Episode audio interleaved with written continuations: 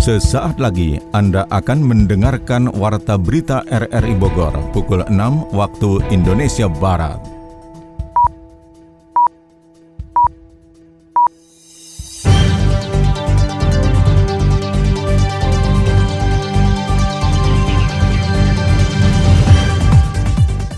Selamat pagi, Saudara, Warta Berita RRI Bogor akhir pekan Minggu 3 Oktober 2021 kami isi dengan rangkuman berita sepekan. Siaran ini dapat Anda dengarkan melalui aplikasi RRI Play serta turut disiarkan Radio Tegar Beriman Kabupaten Bogor. Bersama saya Mukhlis Abdillah, inilah rangkuman berita sepekan selengkapnya. Saudara, rangkuman berita sepekan pagi ini kita awali dari IPB University.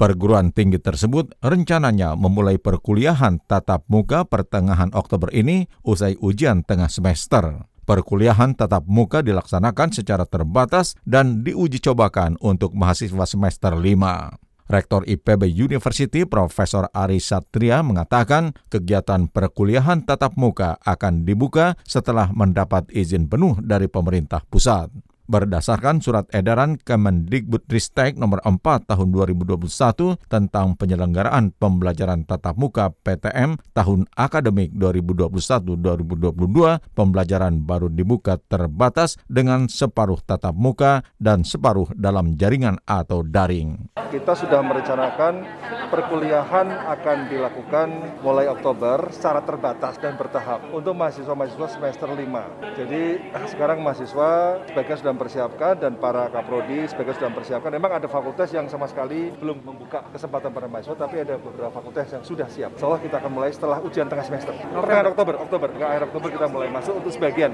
secara bertahap. Rektor Arif Satria mengungkapkan ada fakultas yang belum bisa menyelenggarakan kuliah tatap muka karena beberapa hal seperti melaporkan penyelenggaraan kepada Satgas COVID-19, testing, dan tracing berkala, sivitas akademika dan tenaga kependidikan yang harus dalam kondisi sehat serta sudah mendapatkan vaksinasi dan mahasiswa mendapatkan izin orang tua mengikuti perkuliahan tatap muka. IPB University tambah rektor juga memiliki crisis center dan fasilitas isolasi mandiri serta dokter untuk menangani pasien COVID-19 di internal kampus. Sementara itu mengantisipasi krisis oksigen seperti saat menyeruaknya kasus COVID-19 Juli lalu, IPB University melaunching sebuah alat yang dinamai oksigen konsentrator dan fine bubble atau sejenis penghasil gelembung aerator yang mampu menghasilkan oksigen dari larutan air murni. Catatan selengkapnya disampaikan Yofri Haryadi.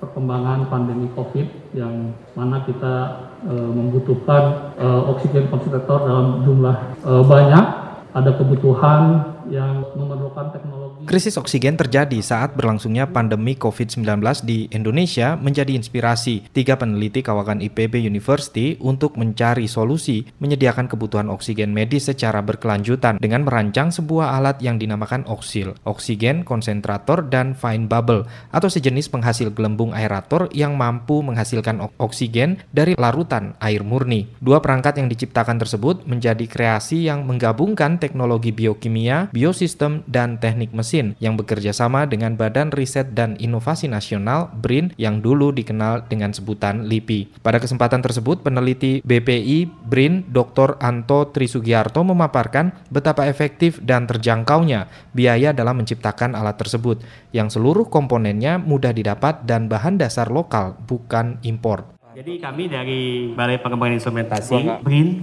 sebelumnya LIPI, komponen radisi itu bisa kita dapatkan di Glodok ya. Istilahnya ya paling mudah dia di Glodok dan kita bahkan sebagian kita develop sendiri. Jadi kelebihannya di sini saya ditinggalkan ini sistem ini menggunakan metode PSA, ya, Pressure Swing Absorption. Metode PSA ini menggunakan dua kolom. Jadi kolom misalkan kita bisa dua kolom tempat menyimpan geolit. Jadi ketika dari kompresor itu udara didorong masuk, nitrogennya akan ditangkap, oksigennya dikeluarkan.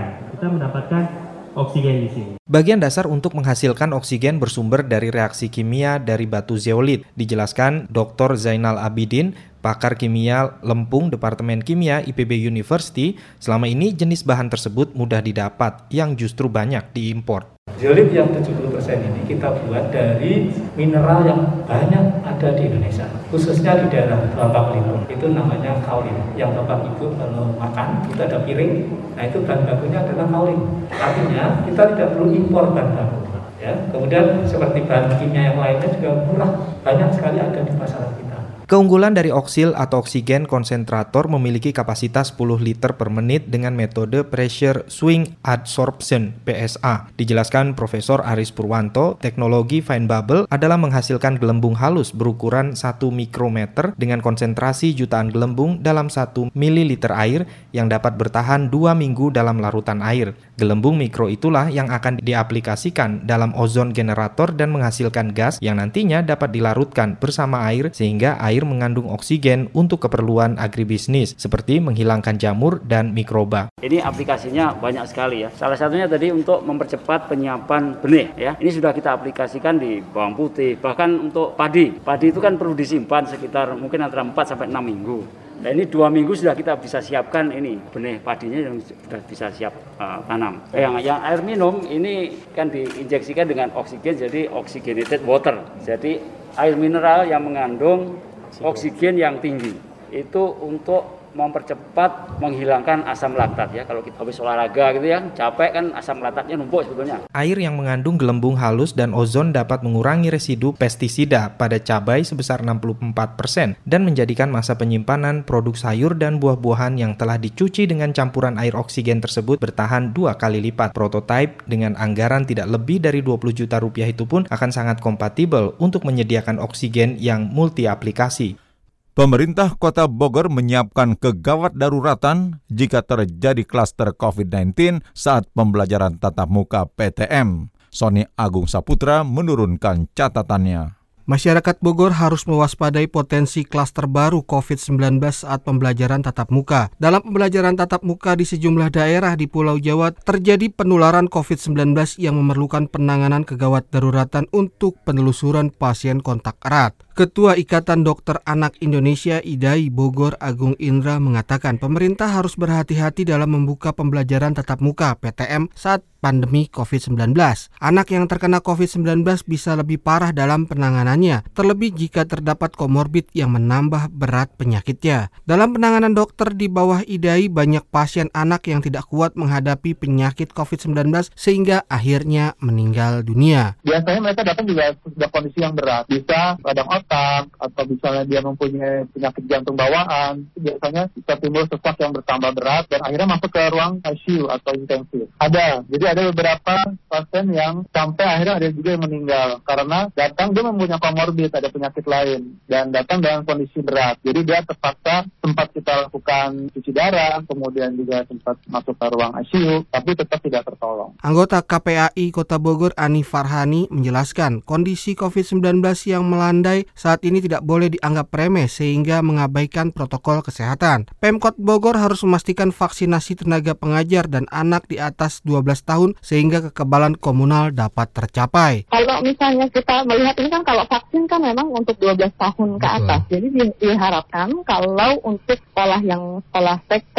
atau SD, pemerintah harus lebih berhati-hati lagi dalam hal ini begitu ya untuk membuka sekolah begitu ya. Karena kan memang mereka tidak mendapatkan vaksin. Tetapi kalaupun memang dirasa pemerintah sudah siap untuk membuka sekolah ini, berarti kan harus gurunya minimal yang sudah divaksin. Kemudian juga orang tuanya yang sudah divaksin. Sementara itu, Wakil Wali Kota Bogor Dedi Rahim menjelaskan saat mempelajari kasus di sejumlah daerah yang terdapat klaster baru saat PTM dari hasil kajian sementara, siswa yang terpapar COVID-19 terindikasi dari luar sekolah yang diduga berasal dari angkutan umum dan pusat jajanan di sekolah. Menurut Dedi Rahim, pihaknya sudah melakukan langkah antisipasi dengan penguatan dari sisi kesehatan saat PTM berlangsung, bahkan ambulan juga sudah tersedia untuk bisa melakukan langkah kegawat daruratan. Tentu dari Dinas Kesehatan kita siapkan ya ambulans, kemudian juga tenaga kesehatan yang memadai apabila terjadi kedaruratan. Dan UKS ya, unit kesehatan sekolah ini juga kan kita jadikan sebagai daftar periksa yang wajib ya dipenuhi dan termasuk juga fasilitas fasilitas dan orang yang nantinya me, khusus menangani ya mereka yang apabila timbul kedaruratan di proses pembelajaran tatap muka itu. Untuk awal PTM, SMP, dan SMA pada awal Oktober nanti, Pemkot Bogor sudah melakukan langkah pengamanan dengan melarang pedagang berjualan di sekitar sekolah. Selanjutnya menghimbau agar orang tua melakukan antar jemput sekolah menggunakan kendaraan pribadi untuk mengurangi paparan COVID-19.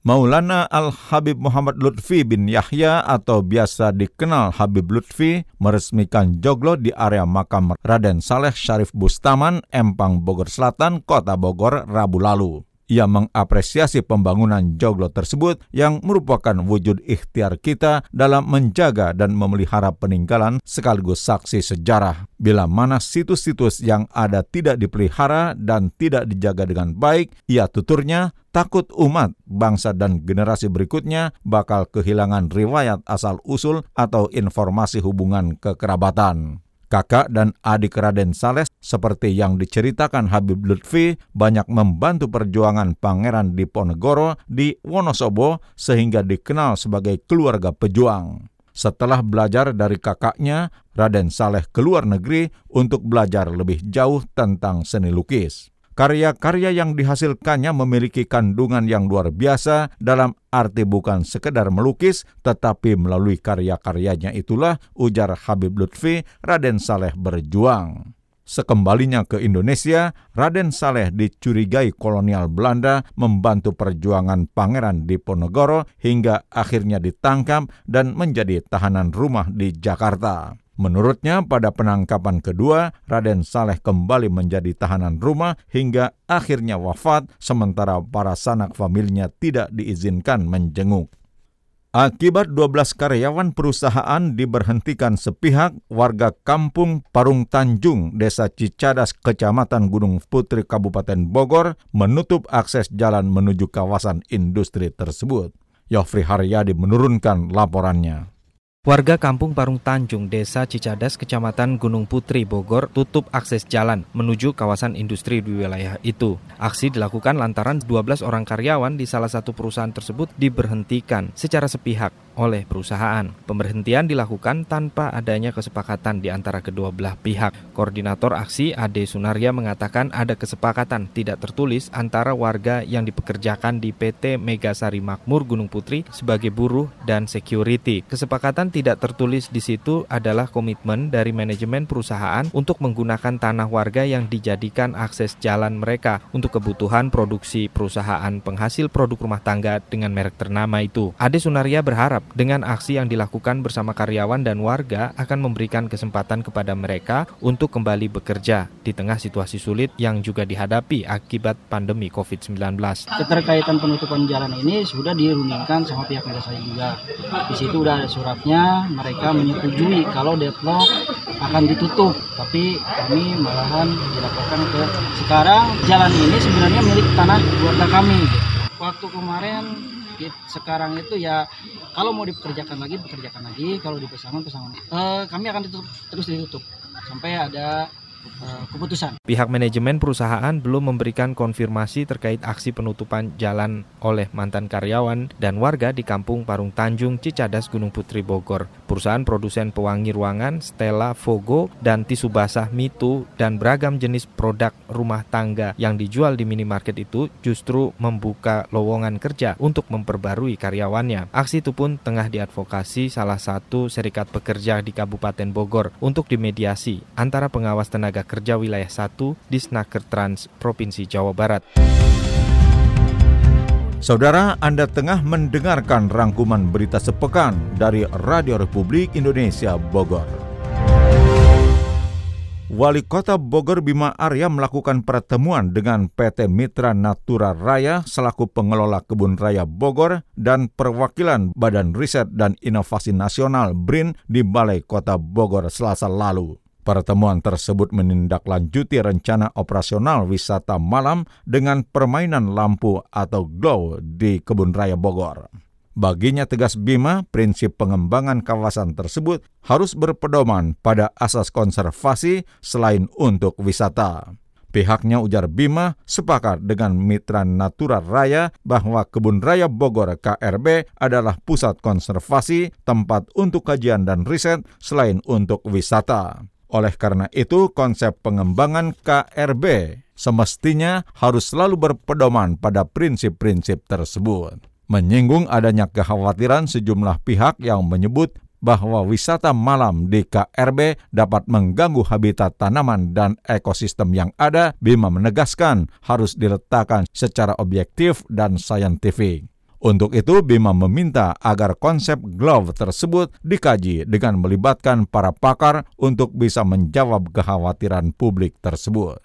Terkait itu, ia tambah Bima sudah memerintahkan Dinas Lingkungan Hidup Kota Bogor untuk berkoordinasi dengan BRIN dan IPB University. Kementerian Perdagangan mengajak UMKM di Bogor naik kelas ke level internasional. Kita simak catatan Sony Agung Saputra. Pelaku UMKM di Bogor dan sekitarnya mendapat pelatihan produk untuk bisa menembus level internasional dengan meningkatkan ekspor. Berdasarkan data Kementerian Perdagangan, nilai ekspor Indonesia ke negara ASEAN pada tahun 2020 mencapai 25,4 miliar US dollar, sedangkan impor sebesar 21,2 miliar US dollar, sehingga Indonesia mencatatkan surplus sebesar 8,2 miliar US dollar. Untuk Kota Bogor, angka ekspor juga cukup tinggi pada tahun 2020 dengan mencapai mencapai 26 miliar rupiah dari 28 pelaku UMKM yang melakukan ekspor terbesar ke Vietnam, Thailand, Malaysia, dan Singapura. Kabit Promosi Kemitraan dan Jasa Perdagangan Dinas Perindustrian dan Perdagangan Kota Bogor Aib Samsul Mauarif mengatakan saat ini sudah banyak produk yang menembus dunia internasional. Untuk itu, pihaknya terus melakukan pembinaan kepada pelaku UMKM agar banyak menembus level ekspor. Salah satu yang menjadi perhatian adalah sektor labeling dengan tetap mengacu pada pendapatan pendaftaran merek dagang kepada Kemenkumham, termasuk pendampingan produk agar bisa masuk ke pasar dunia. Harus ada sertifikasi kaki yang dikeluarkan oleh Kementerian Hukum dan HAM. Kemudian kalau untuk ekspor itu kan kalau biasa harus ada perusahaannya PT berbadan hukum.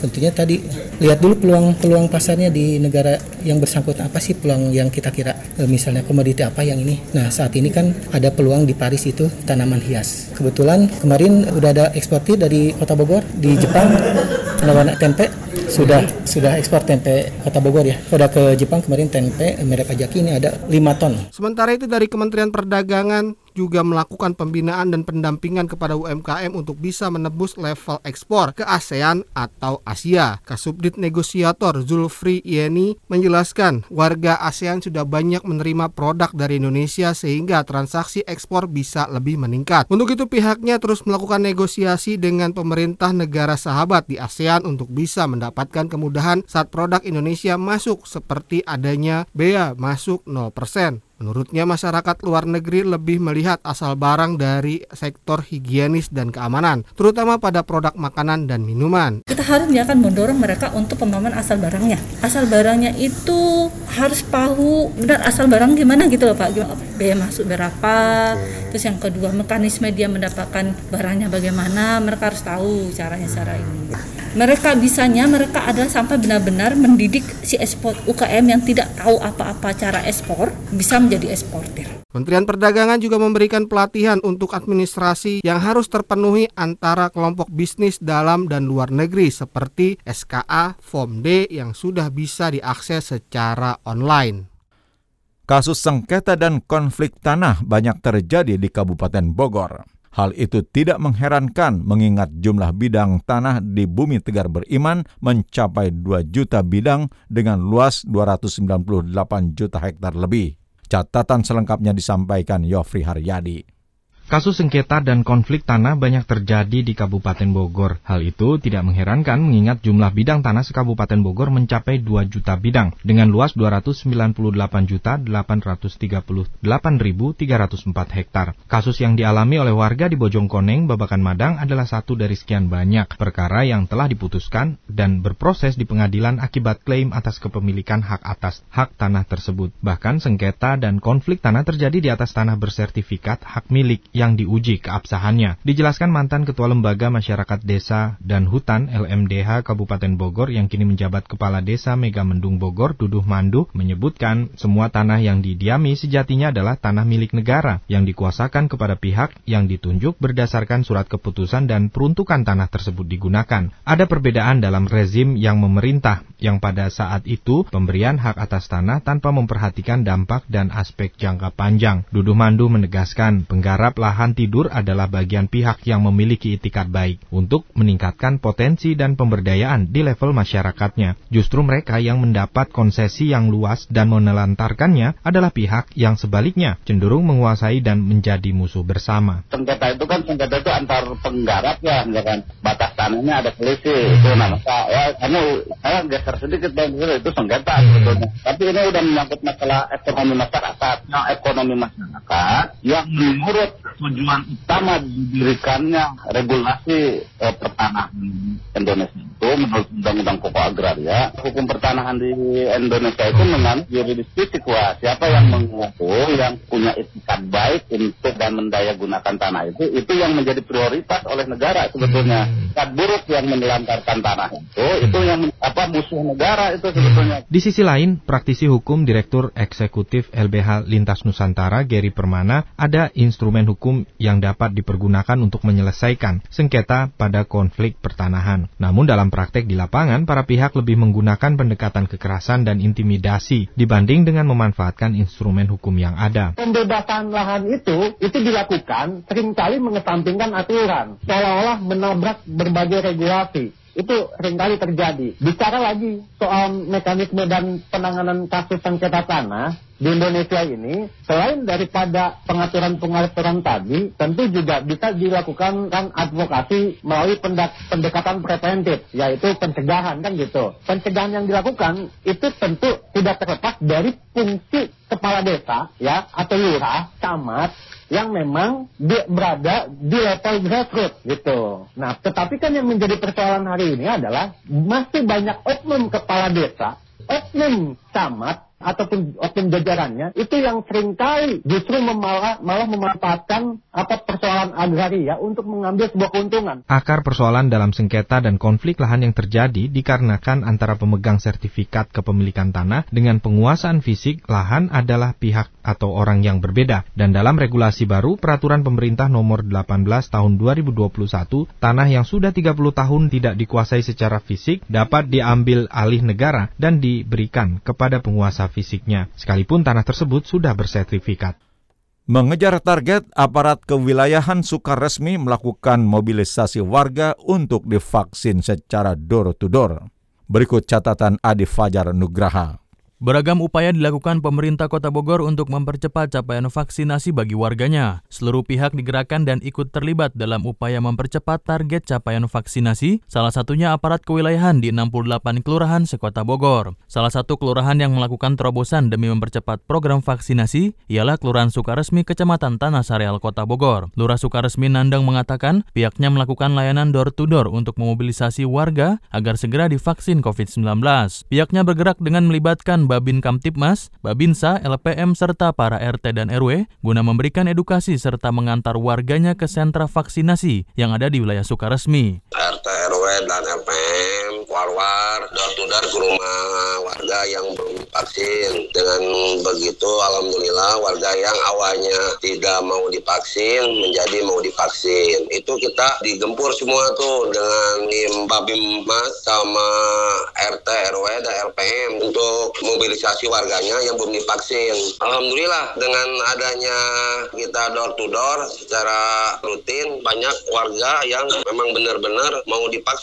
Nandang mengungkapkan hingga saat ini total warga yang telah mendapatkan vaksinasi dosis pertama mencapai 103 persen. Angka itu merupakan total keseluruhan baik warga berKTP Sukaresmi maupun warga domisili. Kalau data dari kelurahan itu 103 persen data warga yang sudah divaksin. Kalau di perumahan itu banyak yang memang sudah tinggal dari lima tahun sampai 10 tahun itu KTP-nya dia belum pindah dengan alasan karena administrasi. Kita lagi rekap dulu nih mana yang warga suka resmi, mana yang domisili. Pokoknya total semuanya itu 103 persen. Sementara itu anggota tim kampanye nasional vaksinasi Dr. Erwanto Budi menuturkan gencarnya program vaksinasi tidak terlepas dari peran seluruh lini yang terus berusaha mempercepat pemberian vaksinasi. Dr. Erwanto optimis jika upaya ini dilakukan secara konsisten di seluruh wilayah, maka target pemerintah dalam penyelesaian vaksinasi pada akhir tahun 2021 ini dapat tercapai. Kalau kita lihat ini sebagian sudah terlaksana dengan baik. Nanti semua lini bekerja, semua bergerak ya. Kita lihat layanan-layanan yang tidak harus di rumah sakit. Ada suatu kegiatan yang bisa dikerjakan dengan memenuhi persyaratan misalnya menjaga jarak dan lain sebagainya. Itu dikerjakan berbagai institusi atau organisasi terus kita masih gerakan. Pemerintah kan sampai Desember nanti targetnya dari sebelumnya bulan April 2022 seperti diketahui, target vaksinasi di Jawa Barat secara keseluruhan menyasar sebanyak 37.907.814 penduduk. Dari data capaian vaksinasi dosis pertama di Kota Bogor, saat ini telah menyentuh angka lebih dari 90% persen dari target provinsi. Sementara untuk dosis kedua atau dosis vaksin secara lengkap telah mencapai lebih dari 50% persen dari target provinsi. Sementara itu 300 lebih pedagang pasar Cisarua Kabupaten Bogor ikut ambil bagian dalam vaksinasi COVID-19. Kita simak catatan Yofri Haryadi. Sebanyak 300 lebih para pedagang di Perumda Pasar Cisarua Kabupaten Bogor mengikuti program vaksinasi COVID-19 setelah sebelumnya terjadi penolakan dari pedagang serta banyaknya pedagang yang identitas kependudukannya tidak sesuai dengan yang disyaratkan, yakni berKTP Kabupaten Bogor. Namun dengan kerjasama antar Polres Bogor dan Perumda Pasar Tohaga, akhirnya mereka yang belum mendapatkan vaksin pertama dan kedua dapat diikut sertakan dalam program vaksin COVID-19 itu yang targetnya adalah 100% pedagang pasar di bawah Perumda Pasar Tohaga Cisarua, Kabupaten Bogor divaksin COVID-19. Pada kegiatan tersebut, Kapolsek Cisarua Kompol Suprianto mengatakan gerai vaksinasi di Pasar Cisarua, Kabupaten Bogor sudah ke-10 kalinya. Sekarang kegiatan vaksinasi, gerai vaksinasi Indonesia Bisa yang ke 10 hari. Nah, sengaja kita bersama dengan Ibu Kira sebagai Ketua Keluarga Pasar, tempat dan lokasinya sengaja tempatnya di pasar. Karena supaya masyarakat yang berdagang dari pagi, mungkin nanti siang, sehingga kami cukup juga dan alhamdulillah hari ini sudah dilaksanakan tapi targetnya 350 kemudian sudah daftar 230 dengan divaksinnya, para pedagang pasar Cisarua akan mempercepat terbentuknya herd immunity di lingkungan pasar. Kepala UPT Pasar Cisarua, Perumda Pasar Tohaga, Mira Fatriana, sangat mengapresiasi upaya dari jajaran Polres Bogor dan Polsek Cisarua yang melakukan kegiatan vaksinasi COVID-19 secara jemput bola di pasar tersebut. Saya ucapkan terima kasih ke Pak Kapolsek yang sudah mau mengadakan vaksin di Pasar Cisarua karena yang memang pada prinsipnya lebih dekat dengan pedagang. Jadi untuk pedagang dia tidak akan lama-lama meninggalkan tempat dagangannya bisa langsung vaksin di satu wilayah, satu lokasi. Ada 1.500 lebih pedagang di Pasar Cisarua. Mereka tidak hanya berasal dari Kabupaten Bogor saja, melainkan banyak pedagang musiman dari luar daerah. Nik dan kakak serta izin tinggal kerap dikeluhkan dari para pedagang sehingga tidak terakomodir dalam keikutsertaan vaksinasi COVID-19 Pemkap Bogor. Program itu pun ditargetkan dalam waktu dekat di Pasar Cisarua sudah dapat beroperasi penuh seperti masa sebelum pandemi COVID-19.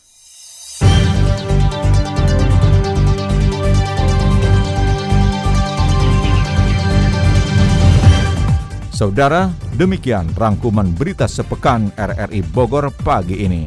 Siaran ini dapat Anda dengarkan kembali melalui podcast kami di Spotify, Anchor, Podtail, dan Google Podcast. Saya Muhlis Abdillah merangkap Des Editor bersama penata teknik Mahdi Nur mengucapkan terima kasih atas kebersamaan Anda. Selamat pagi dan selamat berakhir pekan.